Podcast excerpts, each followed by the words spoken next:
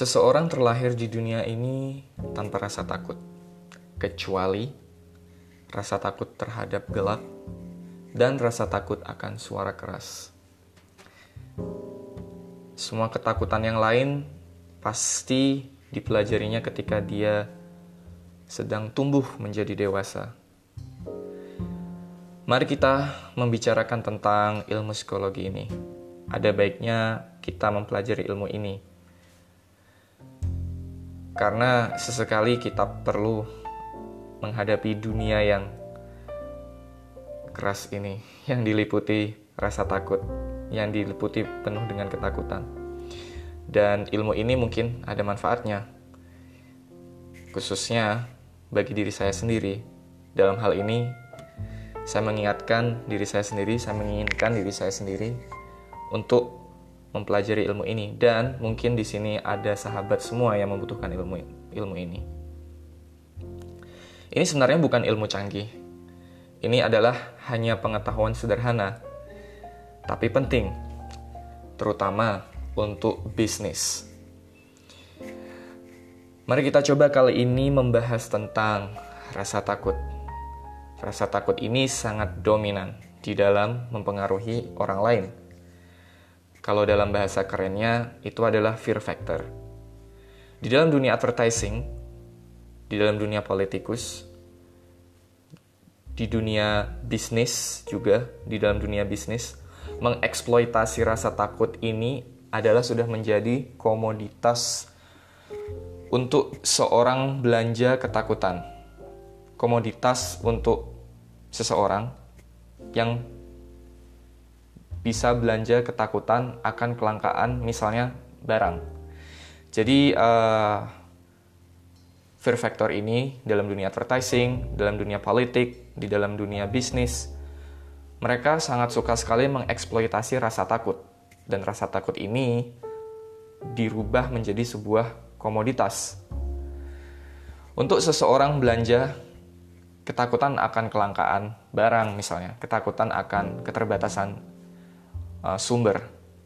Misalnya, perilaku yang menumpuk barang dan ini terjadi di semua keluarga, terutama para wanita yang terus-menerus dieksploitasi yang terus-menerus dieksploitasi rasa takutnya. Jadi uh, ketika kita berbicara tentang kaum wanita khususnya, banyak sekali kaum wanita yang secara sadar ataupun tidak sadar rasa takut mereka terus dieksploitasi oleh para bisnis.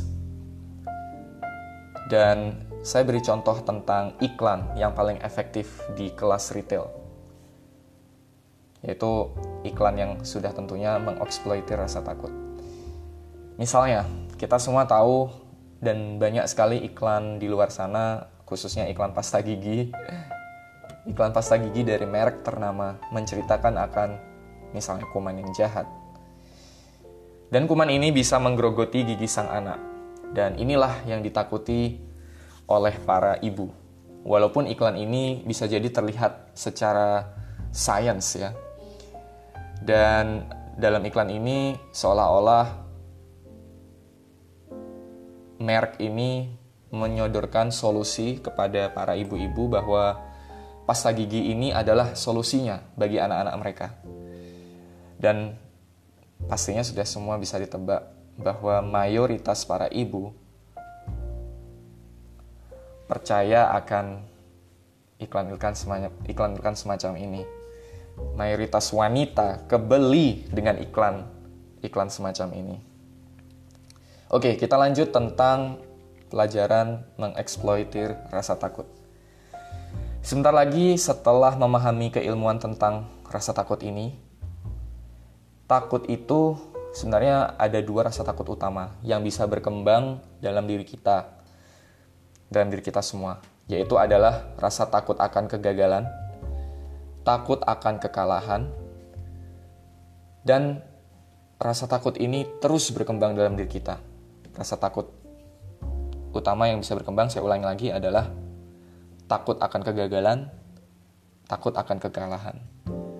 Dan ini sering dan kebanyakan dari kita memiliki dua rasa takut ini dan kita membiarkan dua rasa takut ini berkembang menjadi rasa takut misalnya karena kritikan. Rasa takut ini bisa berkembang karena kritikan dan penolakan dan penolakan. Kritikan dan penolakan. Kita kita mulai belajar merasa takut pada kegagalan ketika kita terus-menerus dikritik dan dihukum saat kita mencoba sesuatu yang baru atau sesuatu yang berbeda. Misalnya kita dibentak, kita dilarang, kita dilarang-larang nih misalnya. Jangan jauh dari sana, hentikan, letakkan, atau bahkan hingga hukuman fisik dan uh, kita tidak ditujukan rasa cinta oleh misalnya orang tua kita dulu waktu kita masih kecil.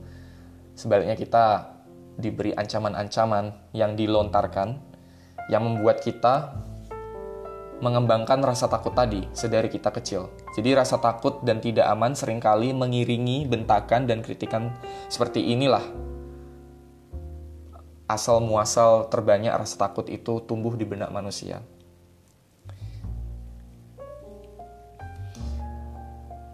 Dan akibatnya, dengan segera kita akan percaya bahwa kita terlalu kecil. Kita ini memang lemah. Kita ini tidak kompeten kita tidak cukup pandai dan kita tidak cukup untuk melakukan segala sesuatu yang baru atau yang berbeda dengan orang lain. Kita harus sama, kita nggak boleh beda. Manusia yang ditekan tersebut, manusia yang terus-menerus ditekan tersebut, kemudian akan mengekspresikan perasaan ini dengan kata-kata dalam hatinya, dengan kata-kata dalam hatinya sendiri yang mungkin uh, tidak mampu atau bisa kita beri contoh contohnya kata-kata kata-kata seperti saya tidak mampu, saya tidak mampu, saya tidak mampu dan kata-kata ini diulangi terus-menerus. Kata-kata ini diulang terus dalam hidup kita, dalam hidup Anda, dalam hidup teman-teman. Kita tidak mampu, kita tidak mampu, kita tidak mampu dan terus-menerus diulang. Pastinya secara sistematik Anda akan menjadi seorang loser setiap saat kita berpikir untuk melakukan sesuatu yang baru, ketika setiap saat kita melakukan, ketika kita setiap saat, ketika setiap saat kita berpikir untuk melakukan sesuatu yang baru atau menantang reaksi, otomatis kita biasanya akan berupa rasa takut. Ketika kita mencoba sesuatu yang baru atau menantang reaksi, kebanyakan uh, kita akan memiliki secara otomatis mendevelop berupa rasa takut, misalnya gemetar atau misalnya perut bergolak, perut mules, perut rasanya nggak enak, uh, dan kita uh, nervous, tegang. Reaksi ini akan persis sama ketika misalnya orang tua kita dulu kalau masih kecil memukul pantat kita misalnya. Ditampar oleh orang tua kita dulu waktu kita masih kecil Lalu orang tua kita berkata, "Saya tidak mampu." Berulang kali rasa takut akan kegagalan adalah penyebab utamanya dari banyaknya kegagalan yang terjadi pada masa dewasa. Jadi, ketika kita ambil contoh, ketika orang tua kita memukul pantat kita, uh, itu seolah-olah memberitahu kita bahwa kita tidak mampu, dan situasi ini berulang kali membuat rasa takut akan kegagalan kita berkembang. Dan penyebab utama dari banyaknya kegagalan yang terjadi dan penyebab utama dari banyaknya kegagalan yang terjadi pada masa dewasa juga sebagai akibat dari kritikan destruktif ya yang sering ter, yang sering diterima pada masa kecil. Jadi kegagalan penyebab utama dari banyaknya kegagalan yang terjadi pada masa dewasa itu sebagian besar adalah akibat dari kritikan destruktif yang sering diterima pada masa kecil, masa kecil kita. Kemudian diri Anda yang sering dikritik ketika masa kecil tersebut dan kritiknya ini sifatnya destruktif itu menyebab, itu menyebabkan diri Anda menjadi seorang dewasa yang cenderung tidak berani melakukan banyak hal. Dan itu menyebabkan Anda tidak mampu menunjukkan seluruh potensi diri Anda yang memiliki atau yang dimiliki secara maksimal. Jadi Anda orang seperti ini uh, yang mengalami masa kecil seperti ini, mereka cenderung memiliki mereka cenderung tidak bisa atau tidak mampu menunjukkan seluruh potensi dirinya yang dimiliki secara maksimal oleh orang tersebut dan orang tersebut akan berhenti bahkan sebelum dia mengerjakan sesuatu untuk pertama kalinya. Bayangkan pikiran manusia yang seharusnya menakjubkan ini, malahan tidak dipakai untuk menghasilkan hal-hal yang luar biasa. Akan tetapi sebaliknya, malah pikiran tersebut dipergunakan untuk mencari-cari alasan untuk mengatakan bahwa dirinya tidak mampu, dengan demikian, apa pun yang diinginkannya tidak mungkin diperoleh kita. Dengan de, dengan demikian, apa pun yang diinginkannya tidak mungkin diperoleh. Oke, mari kita merenung sebentar, melihat diri kita ya. Kita merenung sebentar melihat diri kita sesudah kita merenung sebentar melihat diri kita sudah benarkah kita mendidik anak kita misalnya. Kebetulan saya sendiri belum punya anak, tapi uh, saya sudah banyak banyak sekali uh, pikiran bagaimana tentang cara mendidik anak ketika saya punya anak nanti. Mungkin di sini saya uh, berbicara sebagai seseorang yang dari di luar uh, circle keluarga Anda. Jadi anggap aja saya ini seolah-olah seperti psikologis misalnya. Jadi let's question ourselves. Mari pertanyakan diri kita sendiri, sudah benarkah kita mendidik anak? bagaimana kita mengkritik anak. Apakah kritikan kita sifatnya destruktif atau kritikan kita berupa nasihat, sapaan yang lembut yang membangun? Apakah dulu dalam menerima didikan oleh orang tua kita, kita dibentak, kita dihardik, kita dimaki, baik oleh baik oleh lingkungan ataupun keluarga yang kita miliki. Dan kita memilih menerimanya misalnya. Atau kita malah memilih melepasnya. Atau kita memilih melepasnya, tidak menggenggamnya, sehingga tidak mempengaruhi apa pun pikiran kita, apa pun yang kita pikirkan, kita tetap bersih dan masih kita tetap bersih karena kita tidak membiarkan itu untuk mempengaruhi apa pun pikiran kita.